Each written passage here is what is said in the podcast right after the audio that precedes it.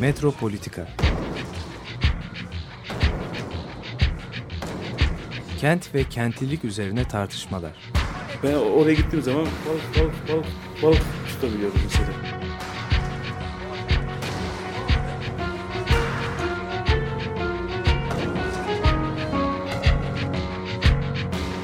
Hazırlayıp sunanlar Aysin Türkmen, Korhan Gümüş ve Murat Güvenç.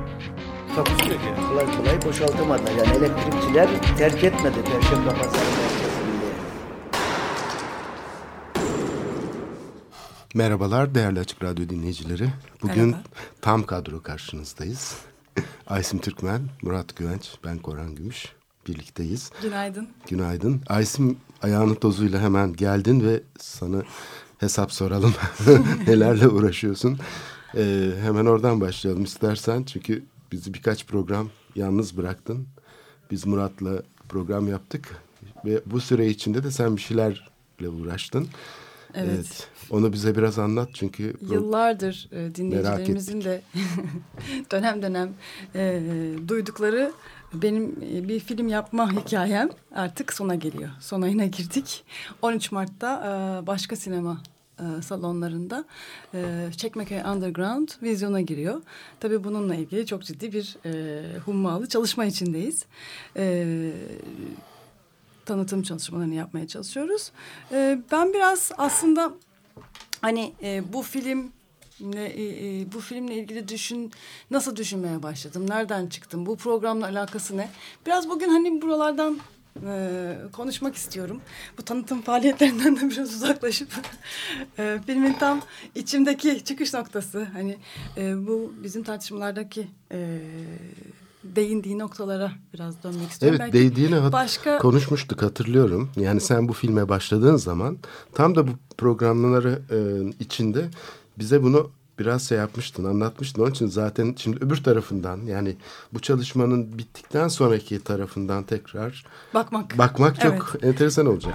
Ee, şimdi aslında e, kentsel dönüşümle ilgili e, bir film e, diyebiliriz. Ancak kentsel dönüşüme biraz daha geniş bir e, yerden e, bakıyoruz biz aslında program olarak da. Yani daha dünyadaki kentsel dönüşüm, kentlerdeki dönüşüm ve e, 90'lardan itibaren e, bu dünyadaki dönüşümle birlikte İstanbul'da olan dönüşüme hatta Türkiye'nin diğer kentlerinde olan dönüşüme bakıyoruz. Yani e, burada da hani eğer bir coğrafya çizecek olursak ikinci köprünün oluşmasıyla birlikte işte bu e, Beykoz, e, Kavacık, Çekmeköy, e, diğer tarafta işte e, Levent, Maslak, Göktürk gibi hani İstanbul'un aslında sanayileşmiş kentinin birinci çeperinin, birinci köprüyle oluşmuş çeperinin dışında oluşmuş yeni kente bakıyoruz. İkinci çeperine bakıyoruz. Buradaki dönüşümün kenti nasıl dönüştürdüğünü konuşuyoruz aslında. Bir sürü programda da bunu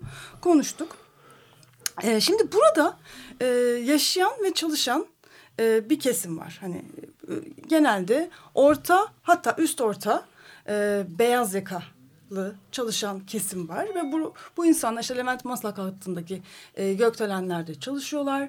E, genelde bu sitelerde yaşıyorlar. İşte hizmet sektöründe gene bankacılık, finans, işte e, reklam, e, avukatlık, hukuk e, gibi sektörlerde çalışıyorlar.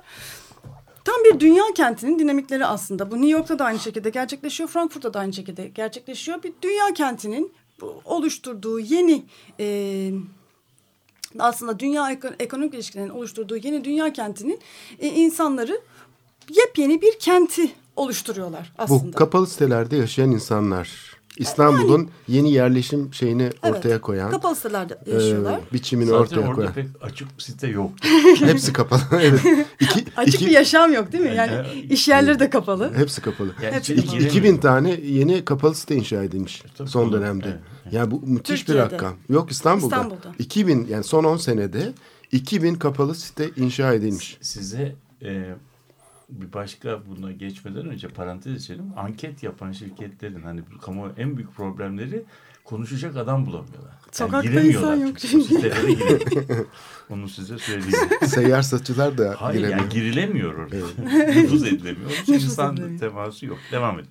Ya e, bu e, işte bir yandan da aslında e, sadece hani kendi içlerine kapalı hani böyle hapishanelerde yaşamıyorlar. Hani kent onların düzenine göre tekrardan inşa ediliyor ve hani bu kent aslında işte gece kondulaşma sürecinde yani sanayileşmeyle birlikte işte e, fabrikalarda çalışmak üzere gelmiş, gece kondularını kurmuş e, ve hani fabrikalarda çalışan kesimin kurduğu şehrin üzerine kuruluyor aslında. Hani Levent Maslak düşünürseniz Gültepe, Seyrantepe.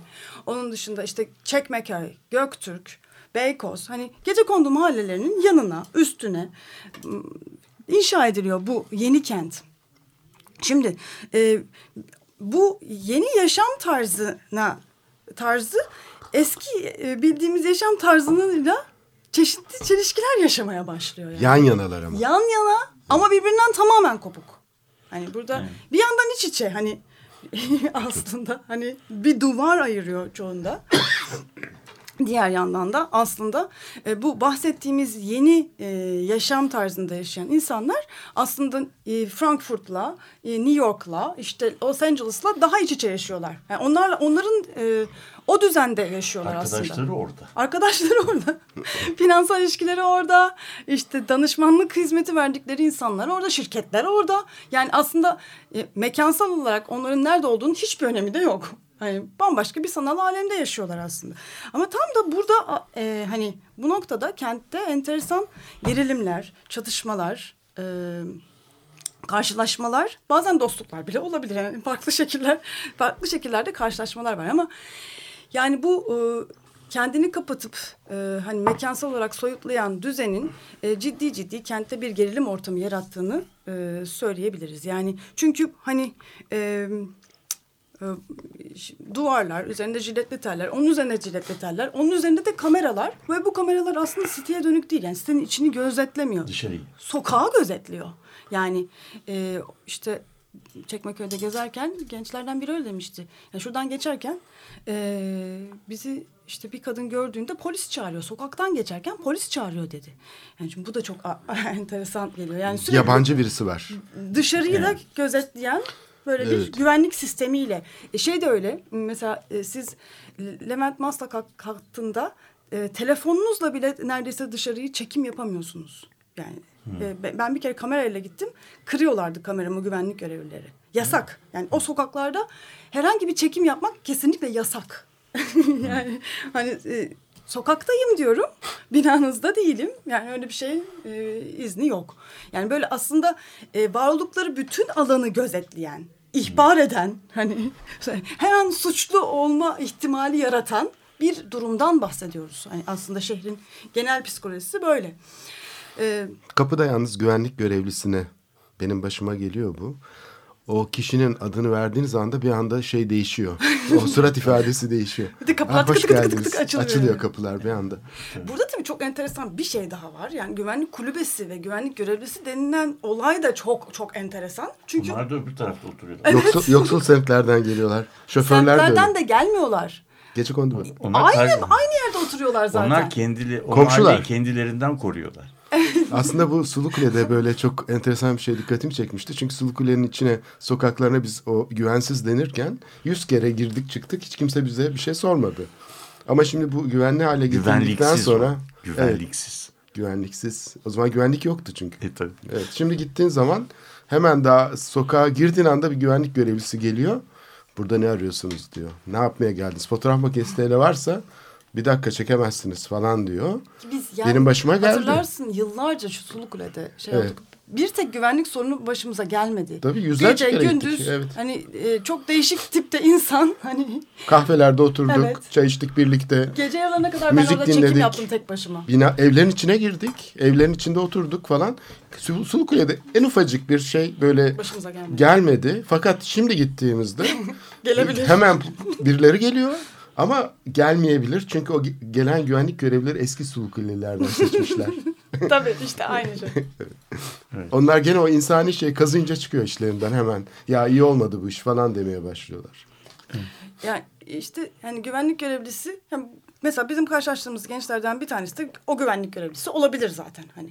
Ee, yani zaten e, karşılaştığımız gençlerden neredeyse hepsinin annesi babası da sitelerde çalışıyor. Bazen kendileri de çalışıyor ama yani bir şekilde böyle hem içeride hem dışarıda e, ama hani çalışmıyorlarsa kesinlikle içeri alınmadıkları, annesi içerisinde çalışsa bile içeri alınamayacağı bir durum söz konusu ve hani sürekli suçlanma, ihbar edilme durumu söz konusu.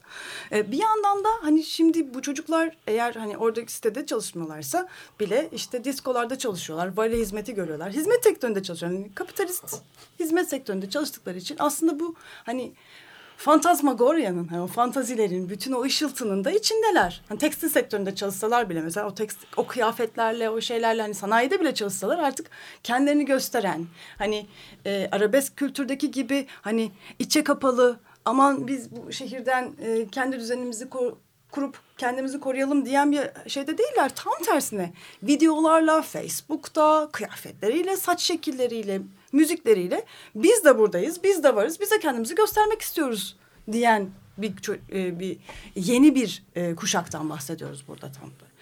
E, burada enteresan bir başka şey var. Hani sokaktaki kameraların dışında eğer yeni şeye bakarsanız, e, komediye bakarsanız bir yandan da yani böyle e, yeni espriler, işte ekşi sözlük, inci sözlük falan. Yani buralarda da mesela bu çocuklarla ilgili çok ciddi bir dalga geçme durumu var, parodileştirme durumu var. Yani bambaşka bir şekilde de aslında gözetliyoruz. Hani gözet yani bu sınıf bambaşka şekilde de gözetleyip onun parodisini de yapıyor aslında.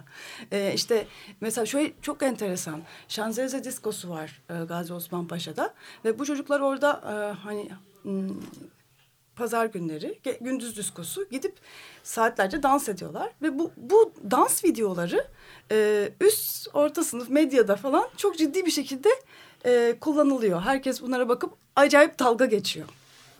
Yani böyle bir bambaşka bir gözetleme, dalga geçme, e, aslında en ufak bir şeyde de ihbar etme durumu bambaşka bir şekilde de var. Yani sokakta olduğu gibi e, kendi mekanlarında dahi ya da e, yaptıkları arabesk rap videoları, arabesk rap müzikleri şimdi e, en büyük eğlencelerinden bir tanesi aslında medyanın. Şimdi yeni bu patlıyor arabesk rap e, ilgi çekmeye başladı. Hani e, sorun da tam o temasta çıkıyor demek ki. Yani eskiden olduğu gibi yani kendi içine kapalı olsa e, aşağılanmayacaklar, belki alay edilmeyecekler ama gelip e, şey yapmaya başlayınca şimdi onlar nereden çıktı geldi yani bir sorun herhalde orada başlıyor ama o, o kesim için aslında şey de var değil mi? Çok ilginç bir e, dinamik böyle bir orta sınıf da var. Yani şeye doğru giden e, bazen e, girişimcilik ruhunu geliştiren insanların falan bir e, ortam da var. Ben e,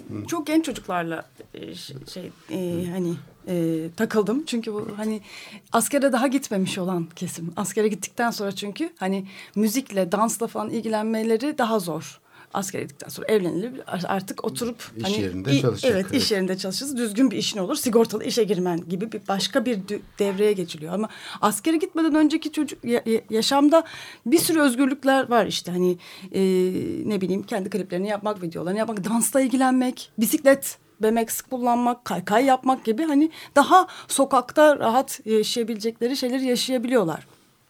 Dolayısıyla ben o kesimden hani daha hani e, genç bayağı hani 17, 18, 20 yaşına kadar olan gençlerle e, ilgili e, çalıştım. Film de aslında işte tam da bu gençlerle ilgili yani Çekmeköy Underground zaten e, e, bu bir site duvarının üzerinde yazan bir yazıydı Çekmeköy Underground. Yani birebir hani onların e, kendilerini tanımladıkları şeyle e, filmi yapmaya çalıştık. E, burada hani e, nasıl e, zor çabalarla küçük mekanların içinde dans etmeye, e, işte müzik yapmaya, e, kendilerini ifade etmeye, e, hatta yaşadıkları arabesk acıları yeni biçimlerle nasıl ifade etmeye çalıştıklarına baktık. Hani bunun üzerinden filmi yapmaya çalıştık. E, tabii hani benim şimdiye kadar anlattığım her şey e, hani sosyolojik bir durum, hani sosyal bir durum. Biz bunu tabii bir yandan da kurmaca bir öykü olarak anlatmaya çalıştık. Hani orası çok zordu hani hakikaten. Çünkü hani bir elimizde arabesk bir hikaye var, bir trajik e, suç işlenmiş, işlenmemiş o da çok be belirsiz bir durumda ama hapse girmiş bir abi var ve e, bu abiyi bekleyen, ona müzik yapan, klip yapan, bu arada kendi e, müzik ve dans tutkularını e, gerçekleştirmeye çalışan bir grup genç çocuğun hikayesi. Damar Style'la. Bunların hikayesini anlatmaya çalıştık. E, bakalım yani e, hani e, dediğim gibi hani şimdiye kadar anlattığım şeyleri böyle bir hikayeye dönüştürmek için uğraştık. Umarım bunu başarmışızdır. Ne zaman izleyeceğiz? 13 Mart'ta Nerede? E, başka sinema salonlarında göreceksiniz. Beyoğlu'nda, Kapitol'de, e, Moda'da, e, şimdi hatırlayamadım, Başakşehir'de, e, Avcılar'da, Ve bayağı yaygın bir gösterim bu. Ankara'da ve İzmir'de de olacak. Evet, çok iyi, çok iyi. Evet. Başarılar dilerim filme. Evet. İzledikten sonra bir daha konuşalım. E, evet. Peki bize belki müzikle ilgili de bir şey e, Evet. tanıtma e, imkanı olabilir. biz gene çocukların hani e, öyküsünden yola çıkarak kendimiz e, uğraştık. Hani sözlerini beraber yazdık. E, Doğu Akdeniz grubundan daha önce bu radyo programında da onlarla e, program yapmıştık. Doğu Akdeniz grubu ile beraber e, Küllü Harab'ın öyküsü diye bir parça yaptık. E, filmin e, ana müziği bu. E, bu arada www.çekmeköyunderground.com'dan fragmanımızı ve e, filmle ilgili diğer bilgileri de görebilirsiniz. Şimdi Küllü Arab'ın öyküsünü dinliyoruz.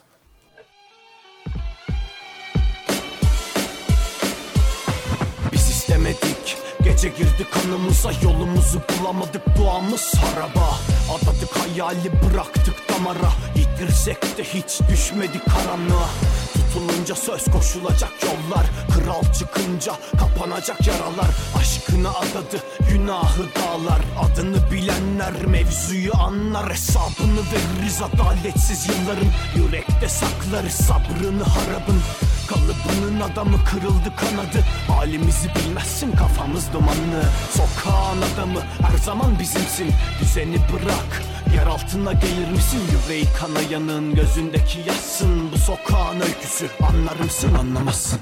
Yollar yıllar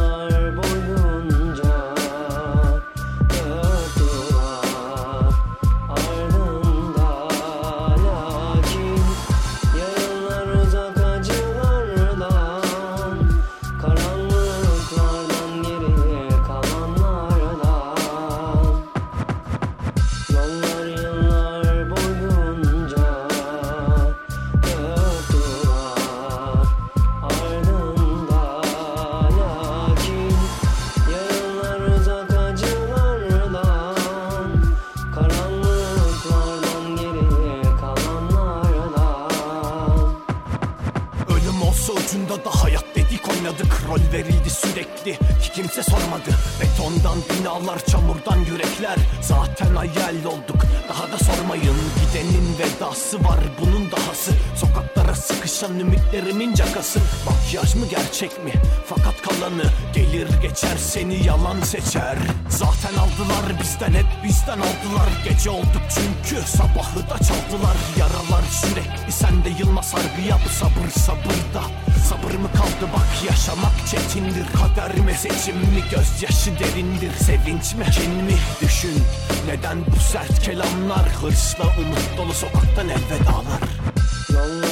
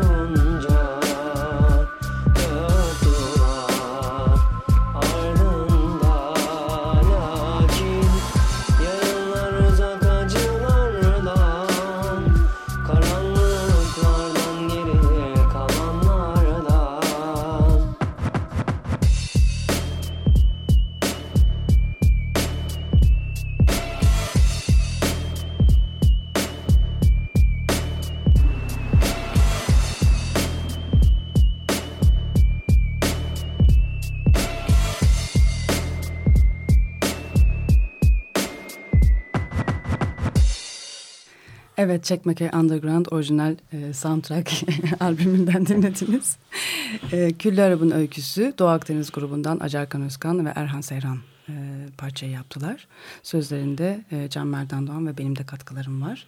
13 Mart'ta e, başka sinema salonlarında e, Çekmeköy Underground'u izleyebilirsiniz. Evet bugün enteresan bir şey oldu. Benim başıma hep böyle şeyler geliyor açık radyo ile ilgili. Buraya gelirken yani açık radyoya gelirken ya bir şeyle karşılaşıyorum ya bir aksilik oluyor falan filan. Ee, ama bugünkü çok daha e, farklı bir e, tuhaf bir durumdu. Çünkü bir türlü açık radyoyu dinlemekten dolayı açık radyoya gidemiyorum. bir Ferda Keskin çıktı. Bir Murat Güvenç çıktı. İşte e, cumartesi günkü toplantının şeyi bir Aykut Göksal çıktı. Bunların konuşmalarını dinlemek yüzünden, dinlemek zorunda kaldığım için, evim yakın olduğu için açık radyoya gelemiyorum bir türlü. Kapatamıyorum radyoyu. tamam mı? Yola çıkamıyorum. Ve e, cumartesi günü başka bir toplantı organize ettiğimiz için biz de e, bu toplantıyı da aylar öncesinden duyurduğumuz için ben katılamadım ama radyodan izleme fırsatı buldum. Ee, şimdi Murat'la girerken kapıdan şeyi konuşuyorduk bu tüneller, araç tünelleri vesaire falan. Araç tünelleri aslında aynı zamanda araç egzostları değil mi? Şehir egzostları. Evet. Artık şehirlerin egzostları olacak o- kuleleri. tabii. Burası üstünde pek durulmuyor galiba değil mi? Evet yani bu zaten egzoz meselesi üzerinde hiç duyu durulmuyor. Yani bu egzoz kelimesi yani dışarı atmak haline geliyor. Ee, bu e, insan egzozlarından başka her şeyin egzozunun serbest ve e, meşru olduğu bir durumda yaşıyoruz. İste, isteyen dumanını istediği gibi sağa sola e, salabiliyor. Bu dumanını salmak köfteci olabiliyor. E, bizim e, binamızın e, apartmanın e, şeyi olabiliyor. Otobüsün egzostu olabiliyor. Yani bu tür egzostları biz şey olarak hani nasıl diyeyim yaşamımızın ayrılmaz ve tamamlayıcı parçası eski dilde mütemmim cüzü yani bize yaşamımıza renk katan bir şey olarak düşünüyoruz. Tabii Değişik bu renkte dumanlar. yani bu yaşamı yaşamı tamamlayan bir şey. Yani şehri şehrin tamamlayıcı, şehir peyzajının tamamlayıcı. Fütürist bir şey aslında. Evet, se- şehir dediğimiz zaman eskiden zaten Dumanlı dumanlar filan. Chicago'nun eski tarihini okuduğumuz zaman orası Sanayi kenti. sanayi kenti. Eğer Chicago Müzesi'ne giderseniz, Chicago Müzesi'ne gi- gitmek tabii çok zor da Chicago Müzesi'nde bir e, seksiyon var. Chicago'nun e, oraya gittiğiniz zaman belli bir yere gidiyorsunuz. Düğmeye bastığınız zaman işte 19. yüzyılın sonunda Chicago'nun nasıl koktuğunu size şey yapıyor. Bu koku, bu koku tabii koku da bir şey algı. Yani bu koku neyle ilgili? Yani kömürler yanıyor. Yani kömürle oradaki domuz e, ve et e, paketleme ve tütsüleme e, endüstrisinin e, dışarıya saldığı dumanı dumanla ilgili olan kokuyu yani bu o kadar şehre yerleşmiş bir şey ki yani şehrin bir çeşit kimliği olmuş. Hatta e, geçen gün hani çocuklar orada büyümüş çocukları kıra götürdükleri zaman çocuklar öksürüyormuş. Yani ona alıştıkları için normal e, havadan rahatsız oluyorlarmış. Bu egzoz meselesi tabii çok önemli bir şey. Biz genellikle biraz e, miyopik düşündüğümüz için bu buradan egzozdan nerelere geleceğiz? Biz bu tünelleri e, düşündükçe e, bunun egzozlarını düşünmüyoruz. Biliyoruz mesela Marmaray'da bir egzoz problemi yok. İçinden bir tren geçiyor. Tren geçtiği zaman da yani oranın havalandırması var. Havalan Elektrikli yani, zaten bir şey. şey bir şey de olmuyor ama eğer denizin altından Araç e, ara- araç getirirsek ve araçların da her birisinin birer egzozu olduğunu düşürürsek bu egzozların bir yerlerde toplanıp e, dışarı atılması lazım. Beş, o yüzden beş kilometrelik bir Evet. güzergahtan söz ediyoruz. Evet. Mesela Evet, tarihi benim- aramadaya uzanan araç tünelinden söz ettiğimizde bu egzozlardan Evet, düşürürüz. beş bu- kilometrelik kapalı tabii, bir yani tüpten bu, söz bu ediyoruz. tü- tübe girmek için e, araçların kat etmek zorunda kaldıkları bir mesafe var. Tüneli geçerken kat edecekleri dur şey- kalklar olacak. Veya yani hızlı bile olsa Evet. tünelin içinde zamanla inanılmaz sayıda bir egzoz birikecek. Tabii bu e, tünelin mimarisi teknolojisi içerisinde bu egzoz dumanlarını toplayan e, borularla bir yerden e, bir yere sevk eden havalandırma sistemleri var ve bu havalandırma sistemleri de 2-3 yerden şehrimize e, bu egzozları saçacaklar. Bunların e, bunların bacalarını yüksek yaparsak İstanbul'da tarihi e, yarımadada silüeti bozuyor. Alçak yaptığımız zaman da insanların yaşadığı bölgelere bunu saçma riski var ki bunlardan bir tanesinin Ahırkapı civarında olacağını biliyoruz. Bir tanesi de Sa- Salacak'ta oluyor. Denize egzoz yapılamayacağına göre bu denizin bu iki uçta Salacak tarafında ve şeyde iki ana egzoz olacak. Yani bu egzozlarda şeyi e, bu tünelin e, egzozlarını e, İstanbul'un e, şeyine e, Silüetine. e, atmosferine katkı olarak şey yapacak. Yani İstanbul'un kimliğine bir katkı olmuş Çok olacak. önemli bir şey söylüyorsun. Çünkü bu hani kuleler konuşuldu ya. e, şeydeki e, Zeytinburnu'ndan işte şeye doğru Evet, yansıyan. evet, evet. Şimdi bu kuleler tam surların dışında gerçekleştirilen bu kuleler silüeti etkiliyor deniyor. Oysa ki araç tüneli tam da Kumkapı'dan Geçiyor. Salacak ve Kumkapı arasında olduğu için tam da yani tarihi yarımadanın içinden geçiyor bu araç tüneli. Evet. E, Dolayısıyla bunun e, egzoz kuleleri diyelim.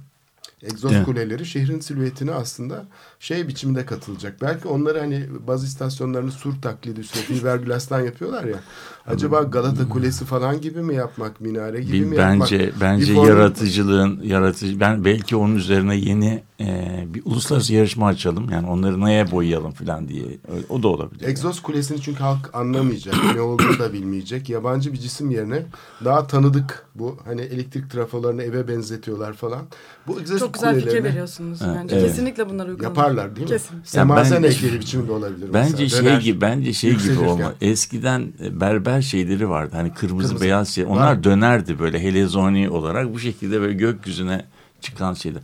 Bazı günlerde de tersine dönebilir. Veya kuleler hani şey gibi hava, hava nasıl olacak diye çeşitli renklerde oluyor. Mesela Beyaz Kulesi'nde var hani mavi, sarı, kırmızı filan gibi. Kırmızı olduğu zaman kar yağıyor. Sarı olduğu zaman sisli oluyor. Denizden Ye- şey olduğu zaman yeşil olduğu zaman da yağmur yağıyor. Yani harfler ile çok hoş e, bağlantılar yapan, herkesin okuyamadığı İstanbul pey- peyzajında böyle şeyler var, katkılar. Bunu, e, bunu her tarafa Fakat yaymalı. burada bir tuhaflık var. Şimdi kuleler için çok ciddi bir tartışma oldu 2010 yılında. Bu araç tünelinin kuleleri yüzünden yani bu egzoz kuleleri yüzünden UNESCO Dünya Miras Komitesi dedi ki bu kuleleri yapamazsınız. Çünkü burası Dünya Miras Alanı. Sultanahmet'in hemen önünde bir tane kule. Yapamazsınız deyince de Olabilir ama yani. Biraz bence- kısaltalım dediler. Aynı bu Haliç'teki boynuzlu köprü gibi. Boynuzlar ilk önce 160 metre falandı. Sonra düşe düşe işte 60 metrelere falan düştü ya. Her Biraz zaman şiştiler o düşerken. Evet. Biraz gerilim arttığı için tellerin gerilimi o zaman şeyi şişmek zorunda kaldı. Şimdi bu her sene bir metre kaç 10 metre falan düştü değil mi? Hesaplarsak 10 sene tartışıldı. 10 senede o kaç metre düştü? 100 On- metre. her sene 10 metre düşüyor. Her sene 10 metre düşüyor. Bayağı büyük bir çaba var yani. Evet. Bu kadar gayret bu araç tüneli için de olabilir. Araç tünelinin de bacaları için tartışmalarla işte 70 metreydi ilk başta sonra 40 metreye düştü. Ama bu sefer de şeye yerleşim alanına çok yakın 40 metrelik ki gene yani kaç katlı bir bina demek? On- 12 katlı, 14 katlı bir bina demek yani bir 40 metrelik bir Ama sen hep egzoz. görünümden bahsediyorsun. Ben de biraz oradan çıkacak şeyden bahsediyorum. Yani e, bu- Yani, yani komşulara verici. komşulara yani oradan oradan atmosfere bir şey çıkacak değil mi? Yani bu kamyon arabaların şeyleri.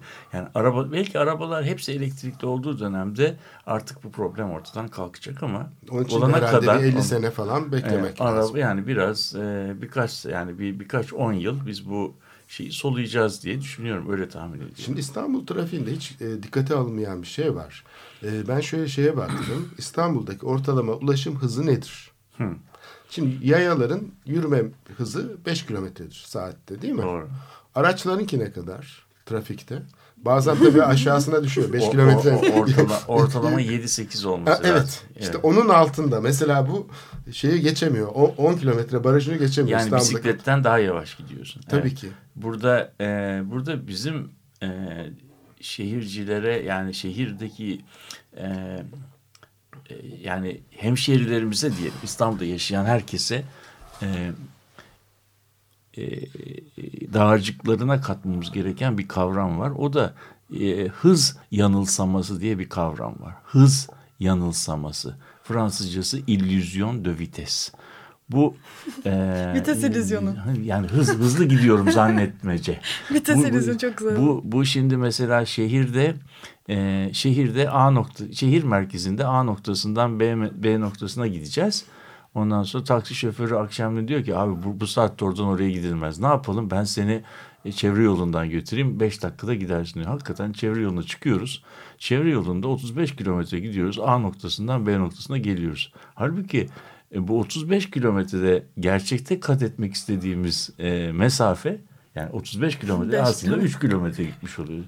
Yani 35 kilometre giderek 100 35 kilometre 100 kilometre giderek 35 dakikada veya bilmem 25 dakikada gidiyoruz. Aslında gitmek istediğimiz mesafede kat ettiğimiz mesafede 3 3 kilometre. Bunu e, Avrupa'daki e, çevre hareket şeyleri şehirlerdeki çevre yollarına karşı bir argüman olarak geliştiriyorlardı. Yani A noktasından B noktasına gidilemediği bir ortamda çevre yoluyla buraya daha kolay ulaşılabileceğini zannetmek bir yanılsamadır.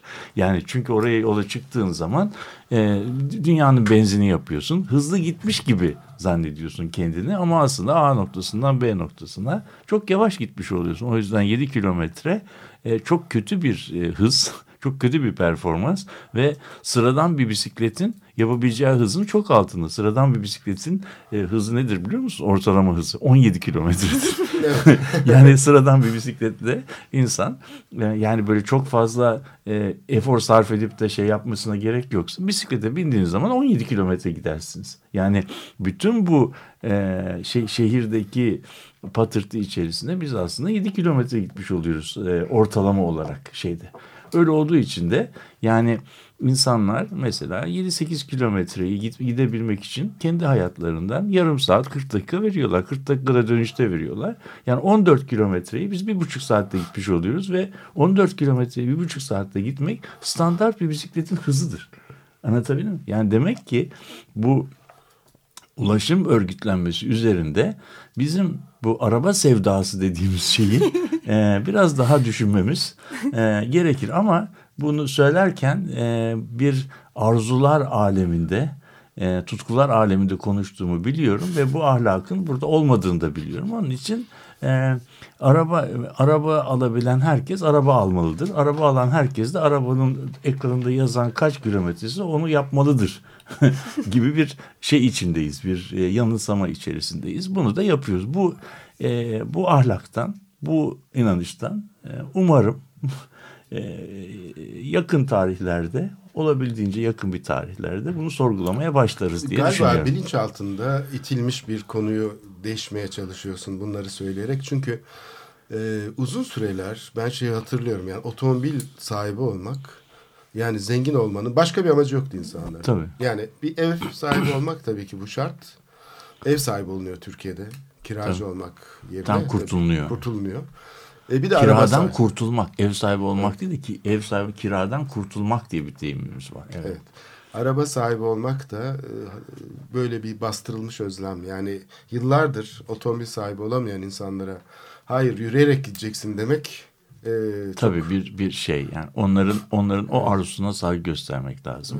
Bir üç tane şey var yani şu anda bizim toplumumuzu büyüleyen yani şu anda üç şey var. Bir tanesi plazma TV, bir tanesi bazalı yatak, öbürü de bir marka söylemek istemiyorum. Hani böyle ticari e, arabalar var ya cümbür cemaat içine binebileceğimiz arabalar. O, onlar yani bu üçünü üçüne sahip olmak o kadar da zor değil. E, yani erişilebilir oldular. Erişilebilir olduğu için de e, herkes alıyor. Bir de tabii göreli fiyat diye bir şey var. Göreli fiyat. Mesela bizim gençliğimizde 60'lı yıllarda otomobil çok kötü bir teknolojiyle, geri bir teknolojiyle ürettiği için bir otomobilin fiyatı aşağı yukarı bir ev, bir daire kadar pahalıydı. Evet. Yani otomobil fiyatına daire alınıyordu. Anlatabildim mi? Şimdi öyle olduğu için iki anahtar diye bir kavramımız vardı. Bir evin anahtarı bir de arabanın anahtarı. Şimdi ama araba eve oranla dört misli ucuzladı. Yani evin fiyat ev hala emek yoğun bir teknoloji olduğu için araba daha erişilebilir oldu. Onun için e, herkes bir araba alıyor. Yani ara- ara- araba artık bir e, statü şeyi olmaktan çıktı.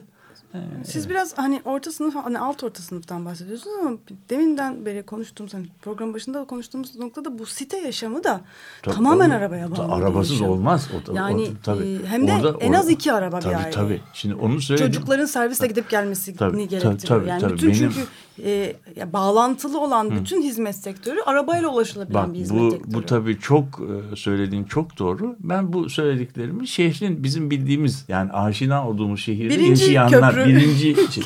Şimdi ikinci kuşakta ikinci kuşakta yaşam araba olmadan sürdürülemez halde tasarlanıyor ve ta- tayin ediliyor. Böyle olduğu zaman e, on, oraya gittiğimizde araba sahibi olmamak diye bir şey zaten söz konusu değil.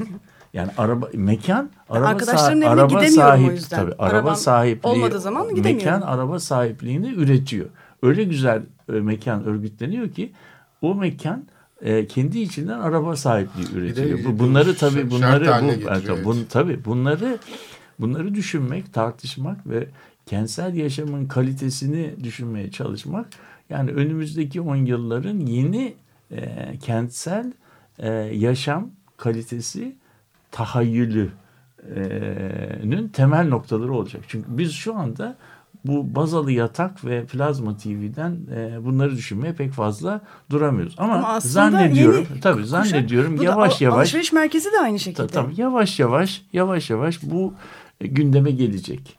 E, bu, bu gündeme gelecek. Yani mesela bu Türkiye özgü bir şey de değil. Bu 30 yıllık hızlı gelişme sürecinin sonunda 68'lerden yani 45'lerden 68'lere kadar 25 sene yaşandıktan sonra 68 olaylarının sloganlarından bir tanesi yaşam tarzıyla ilişkiliydi. Ee, Paris sokaklarında metro, bulo, dodo istemiyoruz diye sloganlar oldu. Metro, metro bizim bildiğimiz metro. Bulo gündelik e, yaşamda Fransız dilinde iş demek.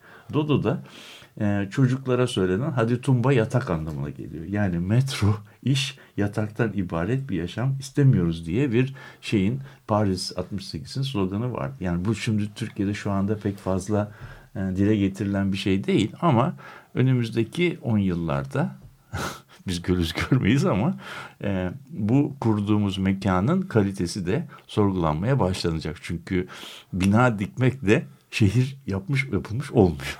Peki bu şeyde mesela bir zorlayıcı etki yaratıyor. Şimdi e, mesela bu e, Şişli inşa edilirken apartman yaşantısına geçerken İstanbul e, iş mekanları genellikle işte Karaköy, Eminönü, Tahtakale hatta bir ölçüde Beyoğlu. Arada da bir yani yürüyüş mesafesinde tramvayla gidilebilen atlı tramvaydan sonra elektrik tramvayla çok rahat ulaşılabilen bir konut e, şeyi var. Alanı var. Desantralizasyon. Evet. Evet küçük bir desantralizasyon. Evet, yani ayrışma ama gene de çok birbirine yakın. Tabii. Biz bu Yürünebilir İstanbul projesiyle ilgili çalışırken şeye baktık. Hani Nişantaşı'ndan bir dolmuşa binip Taksim'e gelmek yerine Nişantaşı'ndan gezi içinden yürüyerek gelmek daha kolay. Yani aynı sürede hava güzelse mesela çok daha keyifle yapılabilecek bir şey. Aşağı yukarı da aynı zamanda geçiyor. Aynı zamanda evet. Şimdi trafik hele akşam sıkışıksa o saat 6'dan sonra e, yürümek çok daha kolay, çok daha hızlı oluyor. Şimdi bunu e, mesela şeye baktığımız zaman bu yeni e, yapısında şehrin tersine e, Cihangir'de işte şeyde yaşayanlar, Nişantaşı'nda, Maçka'da, Şişli'de taşınmaya başladılar. Mesela Cihangir'den taşınan bir arkadaşım söylediği şey şu. Ben çocuğumu okutmak zorundayım ama okullar da gitmiş şeyde yapılmış. Ta o sitelerin orada yapılıyor. Şimdi ben buradan kalkıp da her gün çocuğumu bir e, şeye göndermek, bir saatlik yola göndermek istemiyorum. Ona İşte zorluk senin- yaratıyor. Bu, bu senin senin arkadaşın çocuğunun yaşam e, kalitesine duyarlı bir arkadaş. Onun için ben de taşındım. Evet, ama bugün e, demin Aysim'in anlattığı yerlerde yaşayan insanların çoğunun çocuğu da sabahın altılarında kalkıp sit şeylere bindirilip servis arabalarına bindirilip neredeyse bir saatlik bir yolculuk çünkü bir saatlik yolculuk Minimum. yapmaları lazım çünkü başka başka arkadaşlarını da ev ev toplamaları lazım. Benim Aynı zamanımda şekilde de e, bunları lisede bir saat sürüyordu servis. Tamam. Şimdi en az Şimdi- iki saattir. Tamam şimdi bu durumda bu durumda şunu düşünelim. Bir tane çocuk. Bu çocuk bu çocuğun 24 saati var. 20 24 saati. Biz o 24 saatin e, bir saat 15 dakikasını gidişte bir buçuk saati de dönüşte iki buçuk saatini yol Üç. olarak şey yap. Bu çocuk bu saati nerede geçiriyor? Bir servis otobüsünün içinde geçiriyor. Egzosun içinde. Hangi hangi ortamlarda geçiriyor? Ilış tıkış bir şeyin içerisine geçiyor. Şimdi bu çocuğun acaba e, kendi gelişimi açısından en olumlu bir ortam mıdır? Yani servislerde gün yani aktif uyanık kaldığı zamanın çünkü çocuk in- erişkinlerden daha fazla uyuyor. Ee, yani uyanık kaldığı zamanın iki buçuk saatini servis ortamında geçirmesi acaba gelecek kuşaklar açısından nasıl bir ha- hazırlık dönemine karşı geliyor? Ee, bu, bunları filan düşünmek lazım. Bunlar tabii yani binalar yapılırken veya servis konurken e, düşünülmeyen şeyler. Yani bunlar hep şeylerin çözüm diye tırnak içinde ortaya koyduğumuz şeylerin yan ürünleri. O yüzden ben birkaç kere bu programda söyledim. Aslında bizim bizim problemlerimiz yok. Problemlerimizi tartışmıyoruz. Hep çözümleri tartışıyoruz. Tepemize çözümler geliyor. O çözümler zaten problematize edilmediği sürece de çözümler problemin yarattığı şey oluyor. Yani? Bu servis olayı, dışarıda kapalı yerleşme olayı, ondan sonra e, o yerleşmelerde oturan bir insanın acaba bir e, berbere gitme ihtiyacı veya bir ayakkabısının bir yerini diktirme ihtiyacını oralarda sağlamak mümkün mü? Bunlar bunlar Alışveriş merkezi. E, alışveriş merkezinde açılmamış olsa bu tür hizmetler onlara da erişemezsin. Yani bizim gündelik yaşamımızda, bizim yaşımızdaki mahallenin sunduğu servis çeşitliliğine kesinlikle e, erişemiyor. O zaman bir, bu bizi nereye getiriyor biliyor musun? Lefebvre'nin kent hakkı dediğimiz şeye getiriyor. Yani dışarıda bina yaptığın zaman bir konut yapmış oluyorsun. Ama bir kenti yaratabilmek için toplumsal çeşitliliğe erişebilmek konut kadar değerli bir hak. E o insanları o haktan mar- şey mahrum edip dışarılara, binalara, silolara koyduğumuz zaman bizim e, daha önceki programlarda Aysim'le şey yaptığımız bu işte Cumhuriyet'in e, Kıraç Toprakları e, eserinde e, bizim arkadaşımız e, neydi Mustafa Dikeç'in e, oluşturduğu toplumsal problemler yumağıyla karşılaşıyoruz. Yani Fransa Paris buna Pa-. Paris, Lyon, Lille bir sürü etraftaki ve bunlara Fransa'da bu sizin söylediği demin işaret edilen o kuşakla alay etme şeyleri orada artık iyice ayrımcılığa gelmiş. Adrese bakıp bu insanlara hemen etiket yapıştırılıyor. Bunlara zonar deniyor. Zonar. Z. O zonlarda yaşayan adam demek. Yani kroşer kelimesi gibi. Kroşer köprü altında çocuklar.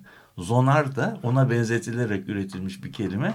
Bu periferide yaşayanlara, o zonda yaşayanlara verilen isim.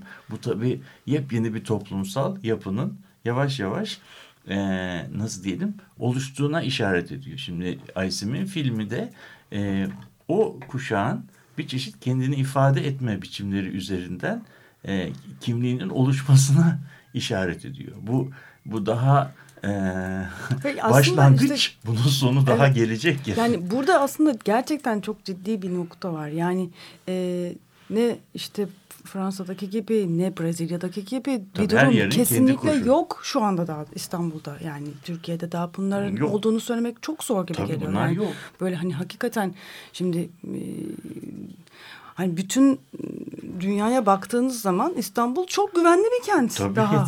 çok çok güvenli bir kent.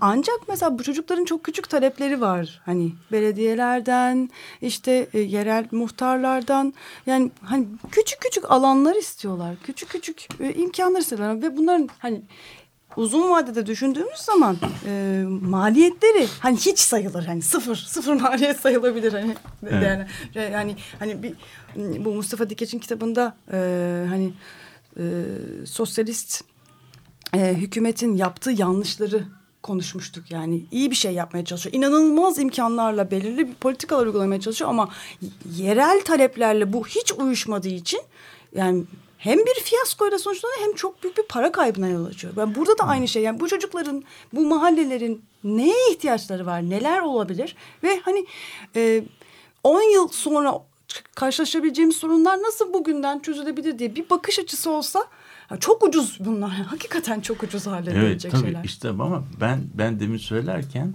e, önümde de şimdi bir kitap var ona, ona söyledim. Bu şehirsel süreçler, şehirlerde yaşanan toplumsal, mekansal süreçler insan hayatını çok e, önceleyen, çok daha yaşayan, bize çok yavaş gelen e, süreçler. Biz o yavaş süreçlerle beraber yaşıyoruz.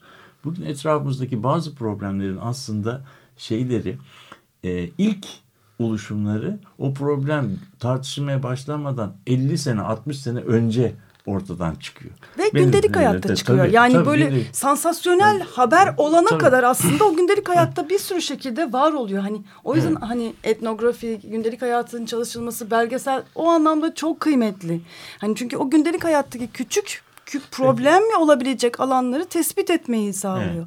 Şimdi mesela Sıkıcı ben- gözükebilir ama Tabii. hiç sıkıcı değil aslında. Tam da o bambaşka bir sansasyonel haberi engelleyici bir şey. Peki ben o zaman belki toplantıyı e, konuşmamızı bitirirken bir iki tane buradan şey yapayım. Y- Yüz yıl başından bir iki tane İstanbul'la ilgili çıkan e, süreçle ilgili bazı bazı e, belediye uygulamalarından veya yönetmeliklerden bahsedeyim. Bir tanesi diyor ki 1890'larda çıkmış bir yönetmelik kaynağı Osman Nuri Ergin Mecelle-i Umuru Belediye yani e, belediye işleriyle ilgili yönetmelikler kitabı yani kompendium anlamına geliyor.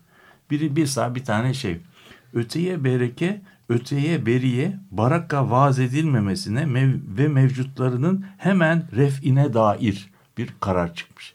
Ne demek? Baraka dedikleri şey baraka Gecekondu mu? Gece kondu. Gece kondu kavramı olmadığı için insanların kendi yaptığı şeylere baraka diyor. Sağa sola baraka vaaz edilmemesine, inşa edilmemesine ve var olanların hemen yıkılmasına dair bir yönetmeliği çıkarmışlar. 125 yıl önce. Önce- evet. Muhacirin, muhacirin tarafından ötede beride vücuda getirilmiş olan barakaların refine ve muhacirlerin sureti iskanına dair. Ha, Şimdi göçmenler Suriye- gelmiş. Suriyeliler geldiler. Ha, Göçmenler gelmiş. Tabii ko- konutları olmadığı için öteye bere ev yapmışlar. Bu evleri yıkalım. Onlara bir tane iskan edecek şey yapalım diye bir kanun çıkarmışlar. O zaman böyle bir şey. Şimdi hedim ve ref edilecek barakalara mukabil inşa edilecek haneler masarifinin belediyece tesviyesi. Şimdi bunu Türkçemize çevirelim. Yıkılacak gece kondulara karşı yapılacak binaların paralarının belediye tarafından karşılanmasına ilişkin bir kanun. Şimdi e, mesela İslam e, Galata rıhtımı üzerindeki barakaların hedmerefi bu Galata rıhtımı üzerinde de şeysiz nasıl ruhsatsız filan binalar yapmışlar. Bunları da yıkalım dedi. Tabii bi- ruhsatsız bina yapma işi çok yaygınlaştığı için sağa sola binalar yapmaya çalışmışlar. Bir adamın da arazisine, Fazıl Paşa'nın arazisine de bina yapmışlar. Fazıl Paşa içinde kanun çıkmış. Fazıl Paşa ara, arsasındaki barakaların hedmi. Fazıl Paşa'nın arası, kanunun içerisinde bir özel isim Şahsa var. özel, evet. Şahsa özel kanun çıkmış. Yani bu kanuna göre veya yönetmeliğe göre Fazıl Paşa arazisini ondan sonra da demişler ki bunu genelleştirelim demişler. Mutasarrıf oldukları arsaya baraj, baraka inşa edenleri oradan çıkarabilmek için arsa sahiplerinin mahkemeye müracaat etmeleriyle ilgili yönetmelik. Yani benim arsama bilmem ne. Şimdi bunlar e, bu, bu benim burada verdiğim şeyler. Mesela ormanlar dahilinde inşa edilmiş olan barakaların subutu e, subutu mazarları mazaratları halinde hedimleri. Yani orman içine gece kondu yaptıysa ve bu yaptığı gece kondunun ormana zarar verdiği subutu mazarrat, zarar olduğu iyice karara çıkarsa onların yıkılmasıyla ilgili yönetmelik. Yani bizim gece konduyla bugün konuştuğumuz şeylerin büyük bir kısmı 1890'larda aslında şey halinde, nasıl embriyonik halinde toplumun e, gündeminde e, varmış. Daha bunları e, ileride de konuşacağız ama e, yani gör- görebiliyoruz ki toplum aslında böyle bir şeyleri konuşmaya başlıyor. Fakat hep pratik çözümler, hep pratik çözümler, köktenci çözümler hep, hep, pratik çözümler, hep günü kurtaran çözümler olduğu zaman problem çözülmüyor, hep başka alanlara taşınıyor. Dikkat edersen yıkım diyor bak. Y- Şimdi, yıkım, evet. şimdi köktenci çözüm budur. Gelişmeyi düzenlemek yerine yık. Anlamıyor, yıkıyor. Yani burada bir şey var. Muhacir gelmiş. Göçmenler var. işte şehir nüfusu artıyor değil mi? O e, belki Balkan göçlerinden söz ediyor olabilir. İstanbul'daki e, mesela tarihi yarımadanın içindeki parsel genişliği 4 metreye düşüyor. O göçler yüzünden. Tabii. E, Bak bir tane bir tane daha söyleyeyim. Evet. Balmumcu çiftliği. Balmumcu çiftliği bu- bugün bizim Levent. Balmumcu çiftliği dahilinde bila ruhsat vücuda getirilmiş olan binaların tahriri icra edilerek intikal muamelesinin icrasına dair. Şimdi Ba- Balmumcu çiftliği bir padişah, saraya ait bir çiftlik. emlaki yani şey saraya has yani has emlaki ait. Orada bila ruhsat vücuda, getirmiş olan binalar var. Ruhsatsız binalar var. Onları tah, tahriri icra edilerek onların ne oldukları yazılacak. Tes, tespit edecek. Ondan sonra intikal muamelesinin icraatına dair. İntikal demek exclusion demek. yani onları oradan alıyoruz başka bir yere naklediyoruz. Yani bu süreçler, bu süreçler bizim bugün yaşadığımız süreçler böyle çok çok yeni süreçler değil, yeni çıkmış süreçler değil. Bunların kökleri, şeyleri böyle bizim şeyimizde, şehir tarihimizde e, eski dilde derler gömülü.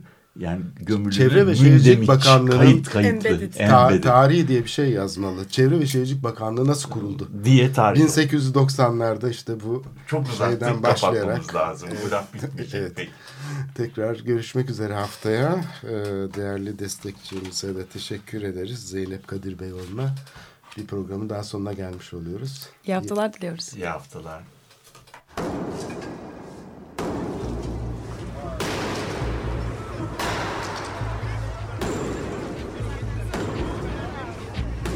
Metropolitika Kent ve kentlilik üzerine tartışmalar. Ben oraya gittiğim zaman balık balık balık balık tutabiliyordum mesela.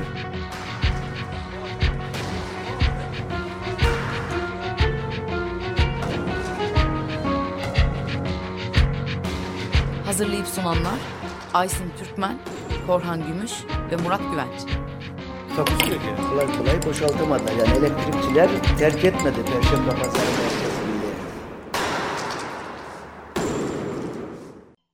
Açık Radyo program destekçisi olun. Bir veya daha fazla programa destek olmak için 212 alan koduyla 343 41 41